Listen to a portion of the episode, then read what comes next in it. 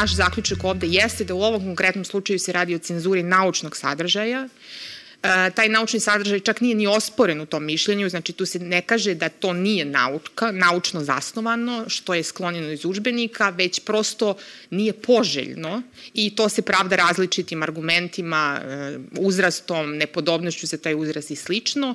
I upravo je naša namera bila da još jednom e, osnažimo taj stav da se radi o naučno zasnovanim činjenicama i da e, odgovorimo na tu e, za nas problematičnu argumentaciju da takav sadržaj nije primeren uzrastu učenika koji se susreću sa time u osmom razredu osnovne škole. Ja se nastavljam na Gazelin zaključak da je reč o cenzuri naučne misli. Ono što je značajno reći je da uh, i u okviru drugih predmeta unutar uh, osnovne škole, o čemu će koleginica Biljana više govoriti, učenici već usvajaju različita znanja potrebna za sadržaje koji su ovde osporeni. Pomenuću samo neke od predmeta, svet oko nas, priroda i društvo i tome slično, da bi do osmog razreda i u okviru samog predmeta biologije učenici bili upoznavani, upoznavani sa različitostima unutar ljudske jeli, vrste, tako da ta znanja mogu da nadograde na ovaj način na koji su oni izloženi u rečenim sadržajima. Isto tako pomenula sam iskustva koja imaju, ali više od toga jako je značajno da zapravo i sam učbenik može biti osnov za proširenje znanja koja možda e, nisu na naučni način oblikovana, već su drugačije u, e, u sistemu jeli, znanja učenika. Pitanje ideologije na kraju, da ne bih e, mnogo dužila, i e, ideologije obrazovnog procesa i samih e, programa obrazovanja, e, jeste e, značajnski drugačije određeno od onoga što pretpostavljamo da je komisija zavoda koja je osporila sadržaj učbenika imala u vidu. E, može se zaključiti da je e, komisija nastojala da kada je govorila o ideološkom karakteru sadržaja, e, kaže da je to nešto pogrešno i negativno, a e, svesni smo da ideologija može imati i drugačija značenja. E, dakle, u naučnom svetu postoje različite definicije ideologije, ali ono što je značajno što bih ja sada citirala jeste ideologija obrazovnog programa koja se određuje kao sistem vrednosti, shvatanja i uverenja jednog društva ili jedne društvene grupe kojim se projektuje kako će obrazovanje biti i kako će se ostvarivati. Ono što je značajno na ovom mestu pomenuti jeste da Ministarstvo prosvete zajedno sa Zavodom za unapređivanje obrazovanja i vaspitanja i Zavodom za kvalitet, odnosno vrednovanje kvaliteta obrazovanja, već primenjuje okvir kompetencija za demokratiju i građansko društvo i da je ovo ozbiljan korak unazad u odnosu na već učinjeno u obrazovnom sistemu. Značajno je tu navesti da e, je reč o demokratskim kompetencijama e, i uputstvima za iste koji se definišu kao sposobnost da se mobilišu i koriste relevantni psihološki resursi, dakle vrednosti, stavovi, veštine, znanje i ili razumevanje, da bi se na odgovarajući način i delotvorno odgovorilo na zahteve, izazove i mogućnosti koje predstavljaju demokratske situacije i unutar ovog, ove kompetencije razvijeni su i takozvani deskriptori o tome kako se prati kod samih učenika, ali i u obrazovnom procesu, da li je do njihovog usvajanja došlo. Unutar predmeta to mogu biti sledeći deskriptori. Vrednovanje ljudskog dostojanstva i ljudskih prava je jedan od tih deskriptora. Zatim vrednovanje kulturne raznolikosti, demokratije, pravde, poštenja, jednakosti i vladavine prava otvorenost, odgovornost, tolerancija prema dvosmislenosti. E, imamo i fleksibilnost i prilagodljivost, ali možda kod znanja i kritičkog razumevanja koje je ovde posebno bilo e, ugroženo, imamo znanje i kritičko razumevanje sebe, znanje i kritičko razumevanje sveta, dakle politike prava, ljudskih prava, kulture, religije, istorije, medija, ekonomije, okoline i održivosti, gde je možda samo značajno reći da je jedan od ishoda koje bi učenik učenica na kraju obrazovnog ciklusa trebalo da poseduje. Dakle, učenik učenice bi znali da se kritički osvrnu na korene uzroka kršenja ljudskih pravlja, prava, uključujući ulogu stereotipa i predrasuda u procesima koji vode ka zloupotrebi istih, kao i da znaju da objasne opasnosti od generalizacije ponašanja pojedinaca na celokupnu kulturu. Dakle, ovde imamo elemente koji ukazuju na važnost usvajanja ovih sadržaja unutar obrazovnog procesa kao takvog, a onda i pojedinačnih predmeta, čime zapravo govorimo da na ovaj način ne samo da je ugrožena autonomija nauke i njena dostignuća i naučno znanje, već zapravo i celokupan proces obrazovanja koji je u određenom smeru postavljen i ima određenu obrazovnu ideologiju u koju se definitivno ovi sadržaji uklapaju. Ja sam varadni profesor Biološkog fakulteta, ali ovde sam pre svega kao predsednik Srpskog biološkog društva, pošto je u čitavoj ovoj proceduri Srpsko biološko društvo bilo, ajde da kažem, prilično aktivno. Kako je to sve počelo? Počelo je tako što smo mi od Nacionalnog prosvetnog saveta dobili molbu da na osnovu dopisa koji je uputio ministar e, prosvete nauke i tehnološkog razvoja gospodin Ružić damo stručno mišljenje na deo programa nastavi učenje za biologiju za osmi razred i to na, u odnosu na njen preporučeni sadržaj koji se, ja ću ga pročitati da budem tačan, tačan, se zove biološki smisao adolescencije, odnosno rodni i polni identitet u kontekstu hormonske aktivnosti i individualne genetičke variabilnosti. I mi smo se tu kao društvo jednoglasno ovaj, izjasnili ili jasno izjasnili da je ovaj preporučeni sadržaj i ishod iz kojeg on proističe je u potpunosti usklađen sa prihvaćenim teorijama, činjenicama, zaključcima i tumačenjima biološke nauke. I to je bio glavni zaključak našeg dopisa. Međutim, u ovom dopisu ima još barem tri važna aspekta a to je da genetička variabilnost ne daje osnove za razvoj predrasuda, stereotipa, diskriminacije i nasilja, I ono što je isto bitno za drugi ciklus jeste da biološka znanja potpomažu razvijanje tolerancije i prihvatanja različitosti mladih ljudi i da je to u skladu zapravo sa težištem programa biologije u drugom ciklusu, znači od petog do osmog razreda osnovne škole, koji je usmeren ka jedinstvu živog sveta i njegovoj izuzetnoj biološkoj raznovrsnosti. Znači, tu je naglasak na raznovrsnosti i na tome da raznovrsnost nije loša stvar, nego da je raznovrsnost prirodna stvar ovaj, sa kojim koju treba prihvatiti. I na kraju ono što je bila naša konstatacija jeste da iz nekih naših iskustava i kontakata sa nastavnicima koji su već ovaj ovu temu radili u prethodnoj školskoj godini sa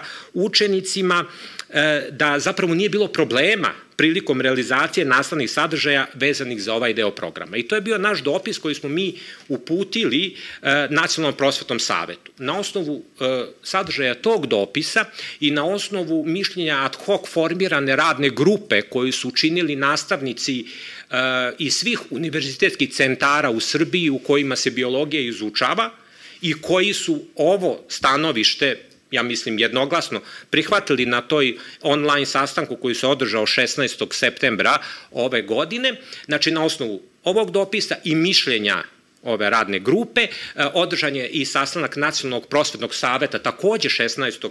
septembra i prvi deo zaključka Nacionalnog prosvetnog saveta potpuno preslikava ono što je Srpsko biološko društvo ovaj, predložilo, jel da, reklo što je bio njegov stav, ali tu se dodaje i sad jedan drugi deo zaključka da njena interpretacija programa ne može da sadrži elemente ideologije i da se mora voditi računa o psihološkim i sociološkim predznanjima učenika kada je u pitanju interpretacija programa, budući da đaci psihologiju uče od drugog razreda srednje škole, a sociologiju od trećeg.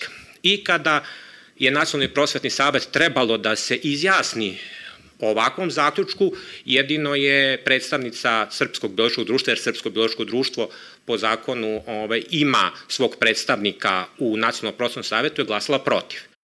I na kraju, znaš da se to svelo da se e, pojam transrodnih osoba izbriše iz svih učbenika. Znači, pojam rodnog identiteta je ostao. Ostala je ta jedna konstatacija da postoje odstupanja, ali sam pojam transrodne osobe kao nečeg što postoji, odnosno kao bića, ljudskog bića koje postoji među nama i sa određenom učestalošću u populaciji je izbrisan iz svih učbenika, tako da se suština ove promene svodila po meni, i sad ovo govorim kao Miroslav Živić, profesor i biolog, a ne kao predsednik Srpskog biološkog društva, jer se nisam konsultovao sa ostalim članovima, jel da, da je suština bila u tome da ako ne govorimo o nekim za nas neprijatnim stvarima, sve nam se čini da one ne postoje ili da će nestati. ljudi, transrodne osobe, bilo da su trans žene ili trans muškarci su prisutni u našem i u svakom društvu sa određenom učestalostu, zna se otprilike koliko je ta učestalost, otprilike 1 na 3000 do 1 na 5000 ovaj, uh,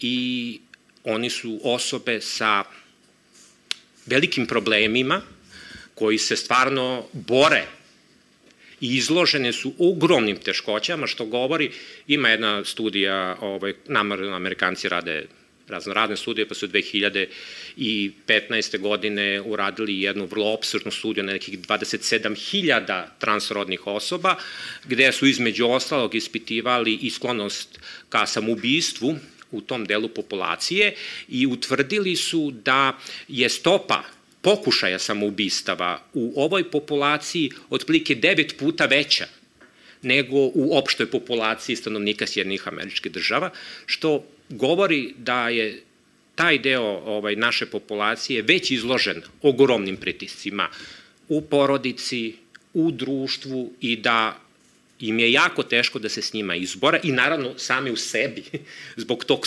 sukoba onoga što fizički jesu i onoga, i onoga kako se osjećaju, da ne bi trebalo i na nivou nastave biologije da im dodatno otežavamo i da ih dodatno marginalizujemo. Oni neće nestati, oni će ostati tu među nama, ali će naše društvo se pokazati nedovoljno zrelim da prihvati jednu činjenicu i da pomogne ljudima koji su već svojim rođenjem, kojima je već svojim rođenjem jedan veliki teret natovare na leđa.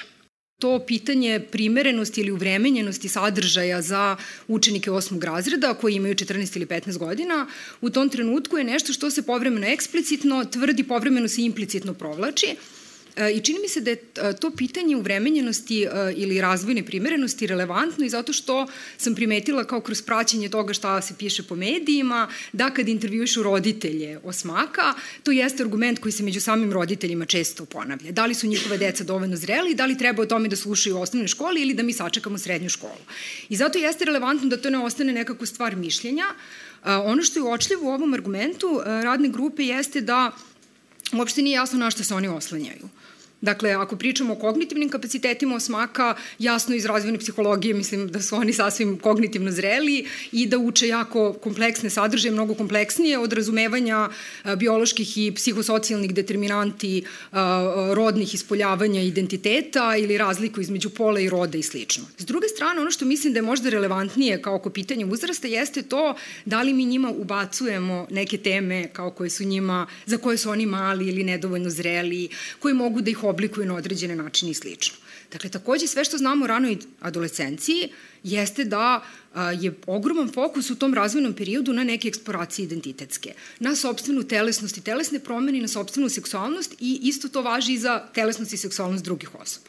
Dakle, možemo da se pravimo i da ono konstruišemo decu u osmom razredu kao neku decu koja imaju mali broj godina, potpuno su naivne, nisu izložena nikad takvim sadržajima, ali to stvarno nema nikakve veze ni sa onim što znamo e, empirijski o ranoj adolescenciji, ni sa onim što znamo tako što prosto malo posmatramo društvenu stvarnost. Dakle, to je e, jedna uzrasna grupa koja je izuzetno u savremeno doba izložena najrazličitijim sadržajima iz masovnih medija, sa interneta, e, iz popularne kulture, dakle oni gledaju filmove, slušaju muziku, imaju te sadržaje i oni su dosta dominantni u savremeno doba.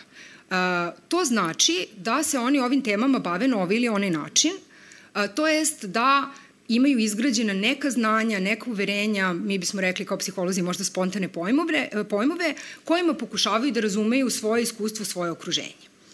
Ono što je neka preporuka i zajednički stav stručnika iz oblasti razvojne psihologije, psihologije obrazovanja i pedagogije jeste da uloga formalnog obrazovanja, dakle osnovne škole i treba da bude u tome da pomogne učenicima da umesto tih iskustvenih pojmova koji ko zna kako su građeni uverenja, koje ko zna kako su sticana, koliko su zasnovana, koliko su koherentna, izgrade neke naučne pojmove, izgrade neka zasnovana uverenja. Dakle, uloga škole u ovoj oblasti jeste da im pruži neko um, um, kontrolisano, bezbedno okruženje gde bi uz podršku kompetentne odrasle osobe mogli i da razmišljaju i da razgovaraju o ovim temama o kojima svakako razmišljaju i razgovaraju. Drugi aspekt samo na koji bih reagovala, a, koji je takođe spomenut, tiče se ove eksplicitne ideološke uloge škole, što bismo rekli škola je nešto što obezbeđuje obrazovanje i vaspitanje dece. Dovoljno široko, detaljno, zasnovano razumevanje nekih pojava ili nekih ljudi, nekih grupa je definitivno značajan faktor koji doprinosi, mislim imamo empirijski to pokazano, doprinosi smanjenju diskriminacije i stigmatizacije i nasilja. E sad, zašto je to relevantno, čini mi se i aktuelno, posebno u našem kontekstu? Pozvaću se na istraživanje koje je skoro rađeno, evo koleginica koja je ispitivala um, trans osobe i u publici, uh, danas um, koje je ispitivalo njihovo odrastanje, socijalizaciju, izloženu stigmatizaciji i kao razvoj identiteta I to istraživanje pokazalo da bez izuzetka oni jesu stvarno jedna od grupa koja je najizloženija uh, stigmatizaciji, diskriminaciji i nasilju i nažalost škola je jedan od dominantnih konteksta gde se to dešava tokom njihovog odrastanja kad jesu najranjiviji. Dakle, apsolutno je smisleno razvijati ovakve kompetencije u vreme osnovne škole uh, i jedna dodatno problematična stvar koja je uvid iz, iz ove studije jeste da nastavnici ne samo da nisu dovoljno aktivni u sprečavanju i prevenciji nasilja često bili iz iskustva trans osoba, nego su povremeno učestvovali u uh, diskriminaciji i nasilju ili su ga čak podsticali.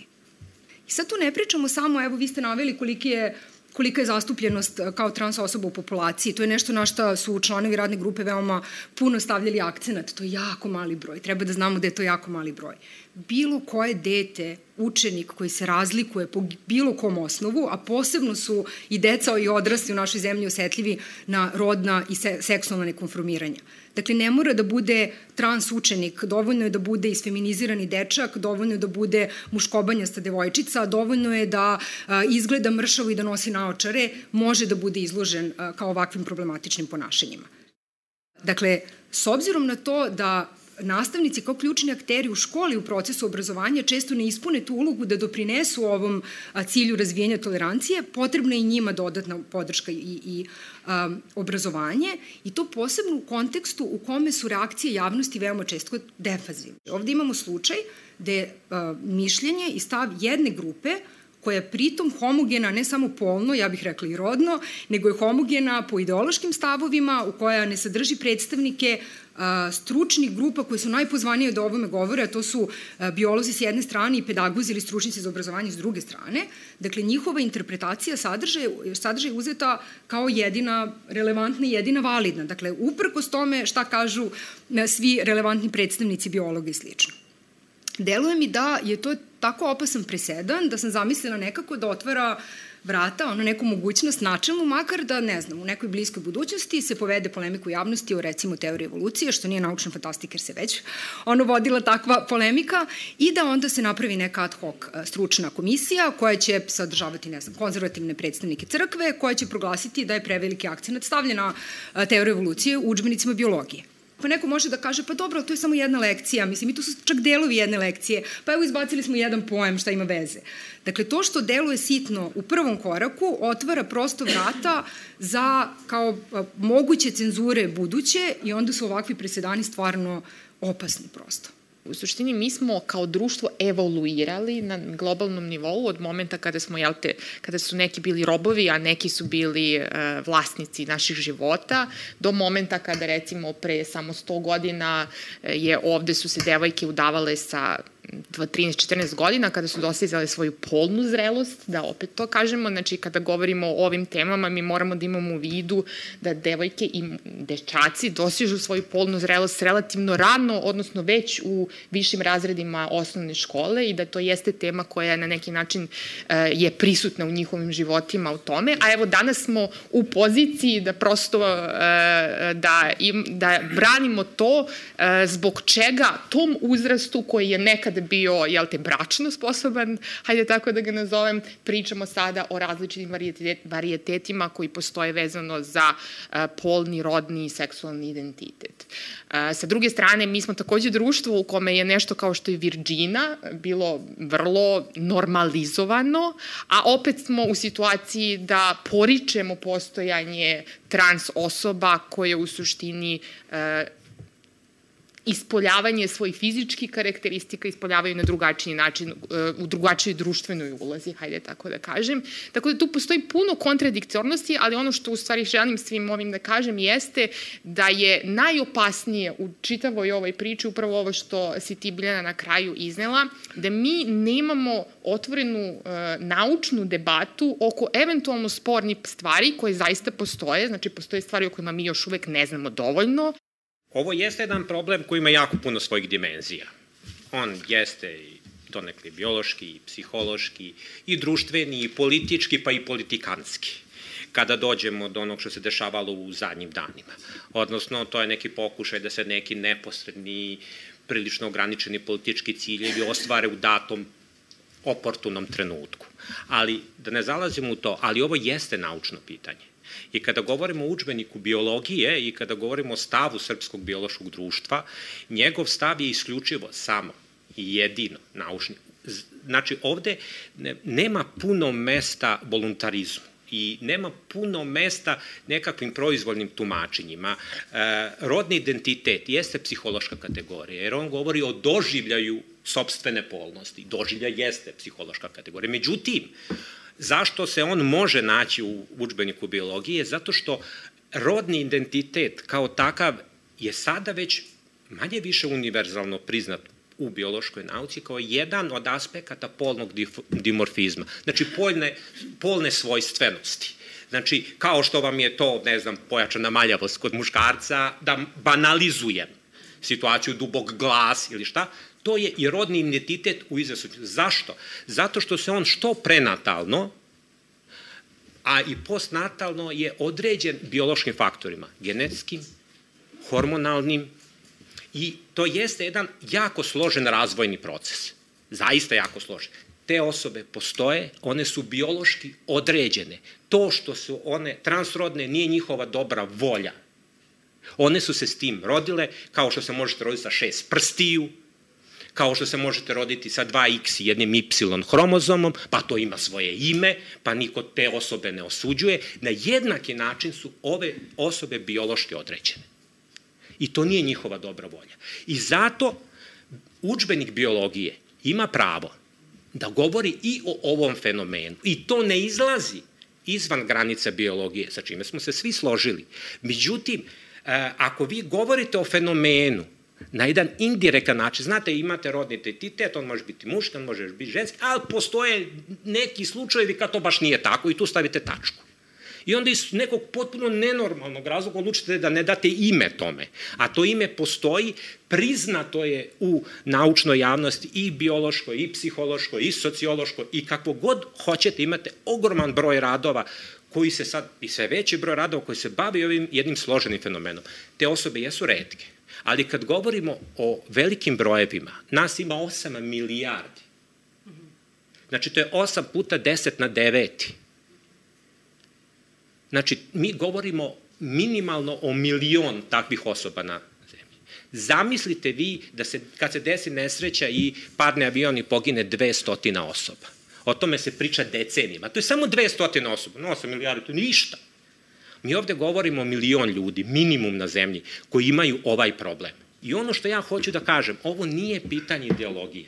Ovo je pitanje civilizacijskog razvoja. Jedno, to je civilizacijsko ovaj, dostignuće. Vi morate, mi svi moramo da shvatimo jednu stvar.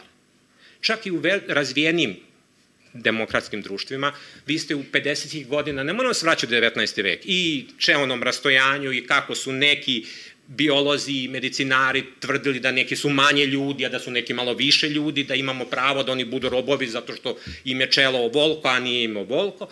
Mislim, segregacija je poslala 50. godina u svijem mečkim državama, crnci i belci imali da se voze u istim autobusima. Govorimo o Australiji, gde su aboriđinskim majkama koje su imale decu sa belim roditeljima, ta deca oduzimana Znači, to je sve bilo pre 60-70 godina. I kad zanemarujemo problem transrodnih osoba, to je e, korak da zanemarujemo probleme osobe druge boje kože, što je takođe genetička raznovrstost i ništa više onda zanemarujemo prava žena i muškaraca, mi možemo reći. Ili možemo shvatiti da možda su mnogo bolje osobe sa plavim očima. Bilo je vremena kad ste vi mogli da izgubite glavu zato što nemate plave oči ta vremena se jako lako mogu vratiti. I mi ovde kad govorimo jeste jedan, ajde da kažemo, ograničeni cilj. Izmena 15 rečenica u jednom učbeniku biologije, što je otprilike 1%, možda i manje od njegovog sadržaja. Mi govorimo o jednoj ograničenoj grupi ljudi koji bi, za koje bi većina populacije Srbije želala da ne postoji. Ili barem da je postane potpuno nevidljiva i prozračna. Ali, to jeste jedan mali korak za čoveka, ali veliki korak za čovečanstvo ka daljim segregacijama, ka daljim neravnopravnostima i ka pravdanju nečega što nema opravdanja u savremenom, znači ovo je civilizacijska tekovina. I mi civilizacijsku tekovinu ravnopravnosti do koje se došlo po cenu mnogih života. Mi se sećamo svih pokreta za prava žena ovaj, početkom 20. E, veka, koliko je surfežetkinja bilo uhapšeno, ubijeno i mučeno. Znači, sve te tri stvari, zato što su smatrali da žene treba imaju pravo glasa. I da li vi smatrate da nije u Engleskoj, nije je bio problem ako je muškarac homoseksualac, ali nije bilo problema ako je žena homoseksualac. Zašto? Jer su smatrali u 19. veku da žena nema dovoljno razbijenu svest da bi se to moglo uzeti za greh. No, one su tako nekako, jel da? Pa šta ima veze? Muškarci jesu bili sankcionisani, žene nisu. Mislim, samo kad se nabroji ovih nekoliko stvari, mi vidimo gde smo nedavno bili. Pitanje jeste gde mi želimo da budemo za 5, 10 ili 15 godina. U takvom svetu ili u nekakvom možda boljem svetu od ovo kakav je danas.